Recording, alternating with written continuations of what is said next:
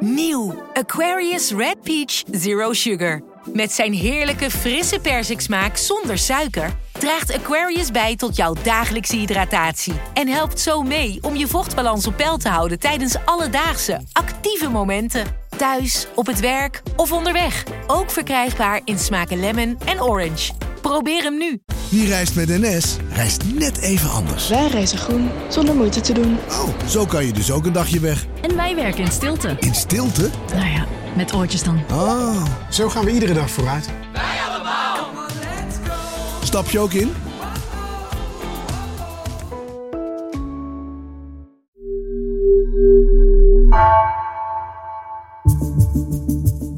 Vanaf de redactie van NRC het verhaal van vandaag.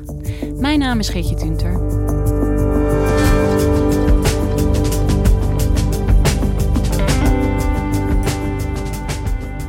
De kunstwereld oogt keurig en elegant, maar achter de schermen gaat het er soms schimmig aan toe. Stiekem met deals, belangenverstrengeling of zelfs vervalsing zijn niet ongewoon. Kunst is een miljardenbusiness geworden. NRC-redacteuren Arjen Ribbens en Pieter van Os onderzochten hoe het grote geld de Nederlandse kunstwereld in zijn greep houdt.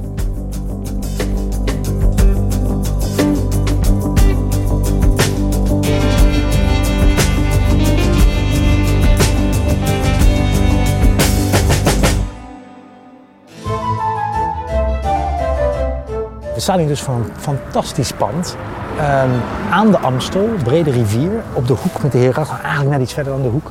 Uh, we kijken stiekem een beetje naar binnen. Dat voelt toch altijd een beetje voyeuristisch. Maar ja, bij zo'n pand kan je dat je wel voorstellen. Het ziet er toch ook wel heel mooi uit. Ook als je naar binnen gluurt, zie je ook ja, prachtige marmeren wanden.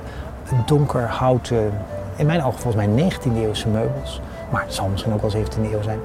Uh, het is toch wel heel bijzonder. Ja, dat klinkt uh, chic, Pieter. Van wie is dat pand? Nou, dit pand is van de familie Six. Dit is een adellijke familie, maar ook een belangrijke patriciërsfamilie hier in Amsterdam. En dat waren ze al in de 17e eeuw. Kijk, daar is iets teruglopen. Zien we een portret. Maar je kan het eigenlijk niet zien, toch? Met dat raam, dit gouden gordijn. Daarachter hangt het portret van Jan Six I, geschilderd door Rembrandt van Rijn. Je moet je voorstellen dat Jan Six was een vriend, kennis, opdrachtgever van Rembrandt zelf. En dat is natuurlijk fascinerend, omdat ook in de wereld van oude meesters van kunst vinden we het natuurlijk fantastisch als we dichtbij die kunst kunnen komen. En hier komen we zo dichtbij dat Rembrandt, vriend van Jan Six de eerste, uh, Jan Six was ook wel een opdrachtgever van hem, een kennis, een vriend. Ze hadden een bijzondere band. En Jan uh, Rembrandt heeft eigenlijk een van zijn allermooiste portretten van die Jan Six gemaakt. En nou is het helemaal bijzonder dat dat portret hangt nog gewoon in dit huis. Dus in dit huis waar gewoon mensen wonen. Maar daar zie je wel een mooie schilderij. Ik kan er niet heel van zeggen. Ja, bij al die ramen, alles wat ik zie, denk, daar zit er natuurlijk een geweldig verhaal achter. En waarom was je daar? Waarom stond je daar op de stoep? Wij waren gefascineerd geraakt. Ik zeg even wij, Arjen Ribbens en ik. We hebben samen uh, het boek geschreven tussen kunst en cash. En wij zagen hier een heel typerend geval. Omdat uh, we uh, samen ontdekten dat er een, een kwestie speelt. Die voor ons goed laat zien dat die wereld van oude meesters, die aan elkaar hangt van veel belezen, intelligente en chique mensen. Mm -hmm toch ook gewoon zwichten voor de verleiding van het grote geld.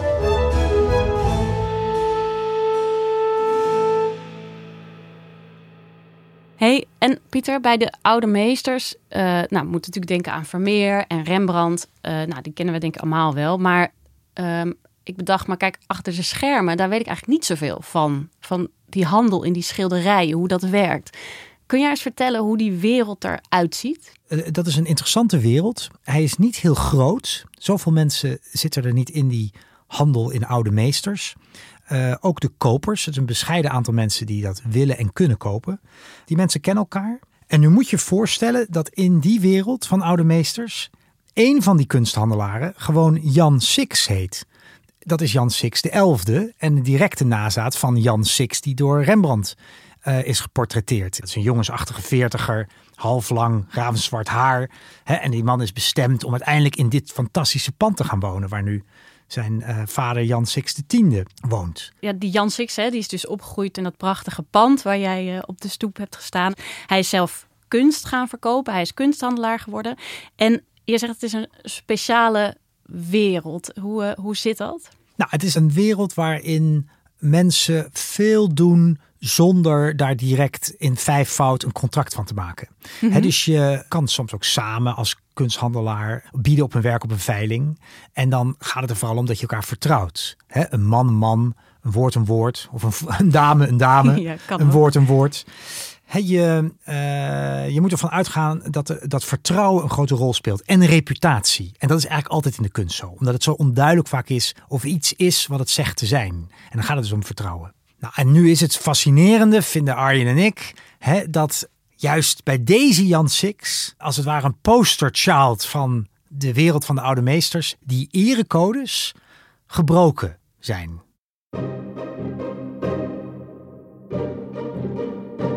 Wat is daar gebeurd? Hoe heeft hij die, eh, die erecodes gebroken? Nou, dat draait allemaal om een schilderij dat in die wereld van handelaren in oude meesters wel een sleeper wordt genoemd. Een schilderij dat nog niet doorging als van een grote kunstenaar. Dus dan is het ook niet zo heel veel waard. Het is wel een mooi schilderij, een portret van een jonge man hè, eh, uit de 17e eeuw eh, uit Amsterdam. En dat kwam op een veiling in Londen bij Christie's. En Jan Six die ziet, dit zou wel eens een Rembrandt kunnen zijn. Sterker nog, hij, hij, hij is daar redelijk eh, van overtuigd en biedt dus op dat schilderij. We hebben het, we hebben het gekocht. 120.000. Voor 120.000. Ja.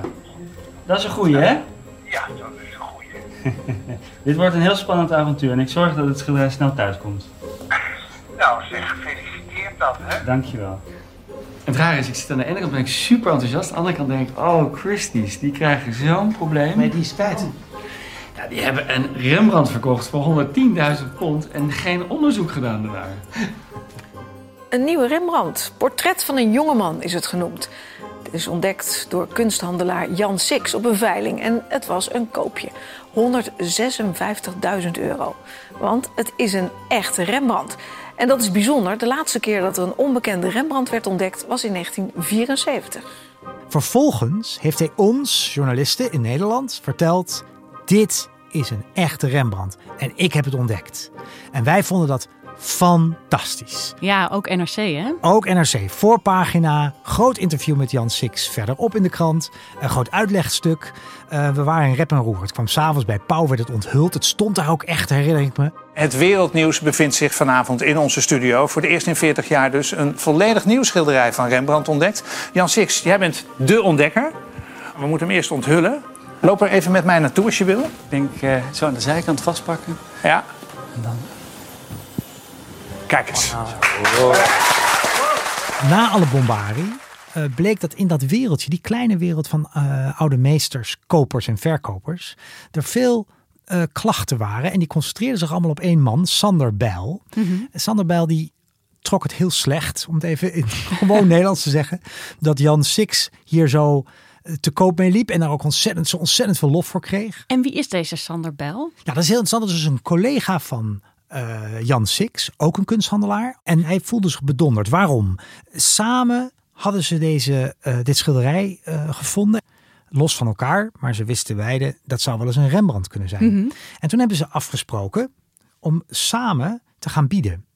En ze hadden ook afgesproken tot welk bedrag ze zouden gaan. Nou, toen kwam dus die veiling en het portret werd een beetje onder de, afgeslagen, hè, zoals dat dan heet. Zo voor rond de 150.000 euro. Maar na afloop van de veiling belde Six zijn vriend Sander Bel om te vertellen: helaas, vriend, het is niet gelukt. Een ander hè, had net iets meer geboden, helaas. Maar nou bleek dat deze Six was zelf die andere bieder. Met iemand anders. Dus hij had een plan B gesmeed met een Britse compagnon. Ja, en dat is in die wereld totaal not done. Hè, je kan dus wel samen prijsafspraken maken, maar je kan niet een plan maken met de ene handelaar en dan tegelijk met de andere handelaar een plan maken. En dan al helemaal niet dat niet vertellen. Ja, dat noemen wij volgens mij in de gewone mensenwereld ook gewoon oplichting hè, eh, of bedrog. Dus eigenlijk had hij gewoon twee afspraken gemaakt. En daar was er dus ook niet open over geweest. Ook niet achteraf. Nee, en dan later bleek ook nog, toen wij onderzoek ehm, verrichten voor het boek dat nu net verschenen is, dat hij dit dus vaker heeft gedaan. Hè, ehm, en ook zelfs echt wel met een hele goede vriend. Dat draait om een schilderij van Asselijn. Asselijn is ook een 17e eeuwse Nederlandse kunstenaar. Mhm. Ehm, en het schilderij is een afbeelding van een kameel. We hebben dat afgelopen weekend groot in de krant gezet. Maar het bedrog was eigenlijk nagenoeg identiek. Ja, dat is eh, in zekere zin zou je kunnen zeggen, hij is een recidivist.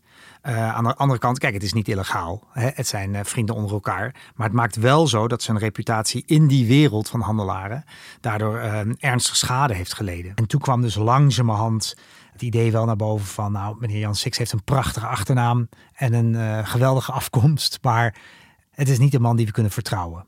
En hoe is het met dat schilderij dat, dat Jan Six ontdekte? Hoe is het met dat schilderij afgelopen? Ja, dat schilderij, dat is nog, eh, voor zover wij weten, is het nog niet verkocht. Zo'n schilderij is dan toch besmet geraakt. Ehm, en dat komt omdat in de kunstwereld zo ontzettend belangrijk is of je mensen vertrouwt. En of je ook vertrouwt aan wat ze jou vertellen. Dus eh, het zal waarschijnlijk nog lang te koop staan. En even naar Jan Six, hè, want het begint dus met zo'n ontzettend feestelijk, euforisch moment eigenlijk bij Pauw. En zo'n schilderij dat onthuld wordt tot al deze ophef. Hoe reageert hij op alles wat er gebeurd is? We hebben Jan Six natuurlijk ook weer voor dit boek eh, benaderd, geschreven, eh, gevraagd om een reactie, maar hij doet er nu het zwijgen toe. Eh, we hebben mails gestuurd, er zijn appjes weer van iemand anders gaan. Nou ja, we, we hebben hem verschillende keren voorgelegd om te reageren, maar dat doet hij liever niet. Pieter, we hebben het nu over Jan Six. Hè? Hij is onderdeel van jullie boek. Jullie hebben over hem geschreven. Jullie boek gaat over het grote geld in de kunstwereld. En ja, hoe dat de, de, lelijkheid daarmee de schoonheid verdringt. Waarom is Jan Six daar zo'n goed symbool voor?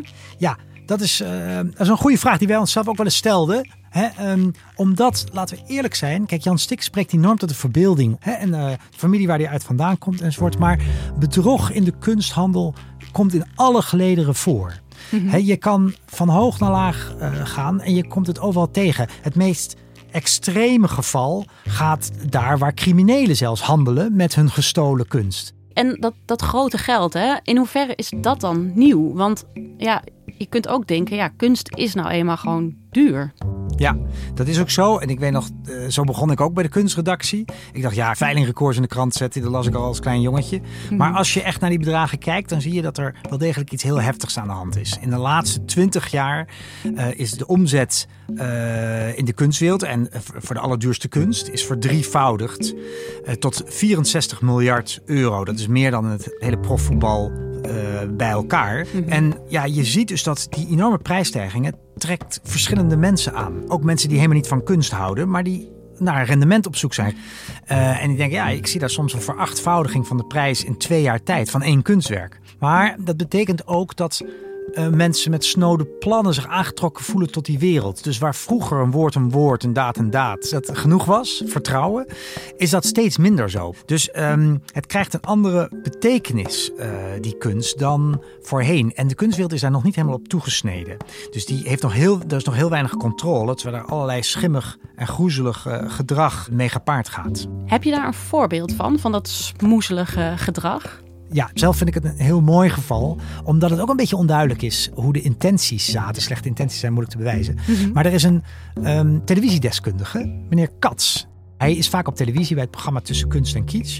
Hij heeft een, van een raar object waarvan wij als kijkers dachten... dat is toch, stelt toch niet zoveel voor. Dat bleek toch een heel bijzonder ding te zijn. Een astrolabium.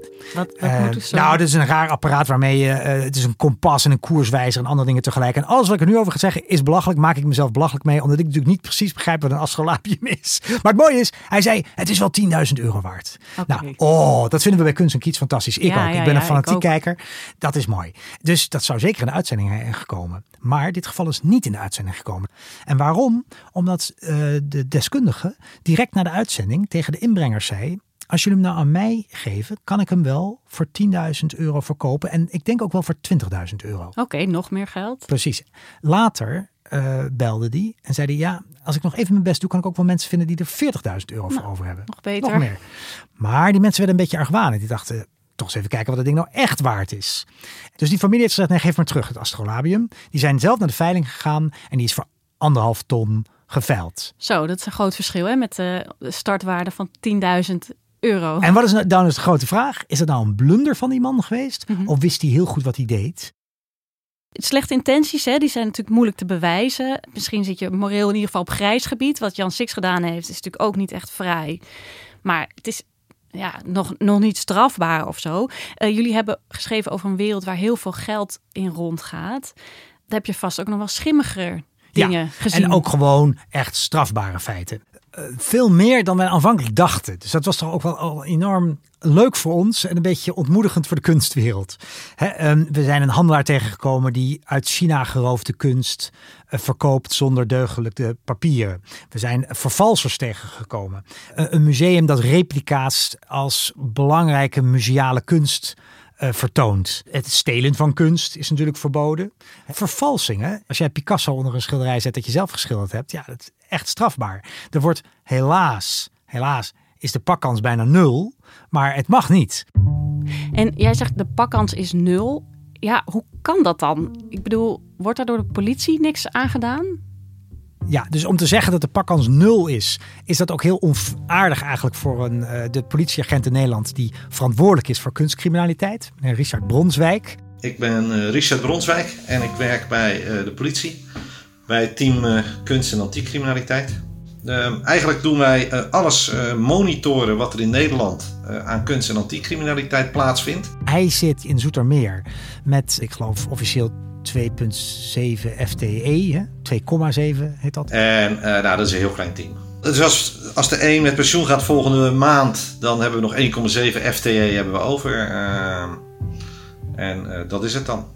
Ik heb helaas vaak toch de boodschap van ja, wij, wij, wij, kunnen niet en we hebben geen capaciteit. En ja, sorry. Dus de politie weet bijvoorbeeld van galeries of winkels, of hoe je ze wil noemen. Die weet van winkels dat bijna alles wat er verkocht wordt nep is. Echt waar? Ja, maar om, ze zeggen ja, we hebben, we hebben niet genoeg mankracht om daar iets aan te doen. Maar zij zitten daar voornamelijk al die uh, gestolen antieke klokken en kasten en dingen die gestolen worden in te tikken. Zodat veilinghuizen zien als iets wordt aangeboden, hé hey, dat is gestolen. Dat kost hen al een heleboel tijd natuurlijk om dat allemaal te registreren.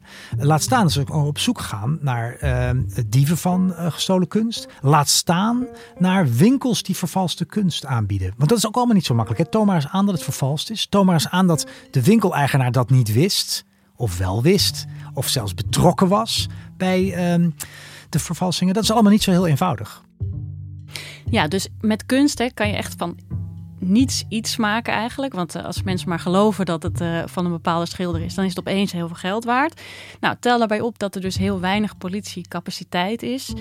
Uh, ja, dan kun je wel voorstellen dat het een hele interessante plek is voor oplichters. Absoluut.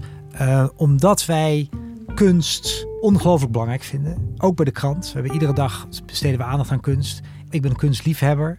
He, dus aan de ene kant vind ik het heel belangrijk. Aan de andere kant, we, de gemeenschap, vinden het ook weer totaal triviaal. Dat is een rare contradictie. Uh, dat is ook voor die politie lastig. Die uh, politieman die dus achter kunstcriminaliteit aan zit. Die kan ook bij zijn collega's niet echt de mensen de handen op elkaar krijgen. Die mensen willen natuurlijk echte boeven vangen. Echte boeven in de zin van moordenaars, drugshandelaren. En niet mensen die een beetje zitten te klooien met een, een lito. Hè? En ja, het is ook gewoon geen prioriteit bij de politie. Ja, het klinkt lullig, maar het is... Uh... Er zijn veel meer andere grote dingen in, in, in de wereld waar de politie ja, achteraan moet. Ja, en, en, dan zijn dit toch niet de prioriteiten. En vandaar dat wij gewoon een heel klein clubje zijn. En, en dat dit soort zaken toch vaak ook bij eenheden ja, lang blijven liggen. En, en worden afgedaan van, nou ja, we gaan niet vervolgen. Of we gaan geen onderzoek verder instellen. Eigenlijk zijn we erachter gekomen dat kunst de perfecte dekmantel is als jij je geld op een vage, schimmige manier wilt verdienen. Ja, en nou heb jij en Arjen dus uh, uh, heel lang ondergedompeld in deze, nou ja, waar, wat voorheen dacht ik dat het een nette wereld was, nu iets minder. Met wat voor beeld ben jij nou eigenlijk achtergebleven? Ja, dat, ik vind het moeilijk te zeggen, maar het is wel zo dat als ik, zoals net met jullie, uh, voor dat pand aan de Amstel sta, dan vroeger liet ik me dan nog veel meer meevoeren door de geschiedenis. Door dat daar een echte Rembrandt hangt en hoe bijzonder dat is. En nu denk ik toch ook snel een beetje. Ja, hoe zit het eigenlijk met de successierechten? Dus je, dat soort vragen. En je kan zeggen, oké, okay, dat is jammer. Dan ben je wat cynischer geworden. Mm -hmm. Aan de andere kant denk ik, ach, een beetje realiteitszin. Zeker voor een journalist nooit kwaad. Ja, je bent eh, niet meer zo lyrisch eh, en romantisch als vroeger in ieder geval. Nee, precies. Dankjewel, Pieter. Graag gedaan. Je luisterde naar Vandaag, een podcast van NRC. Eén verhaal elke dag. Deze aflevering werd gemaakt door Allegria Ioannidis, Nina van Hattem en Jeroen Jaspers. Dit was vandaag, morgen weer.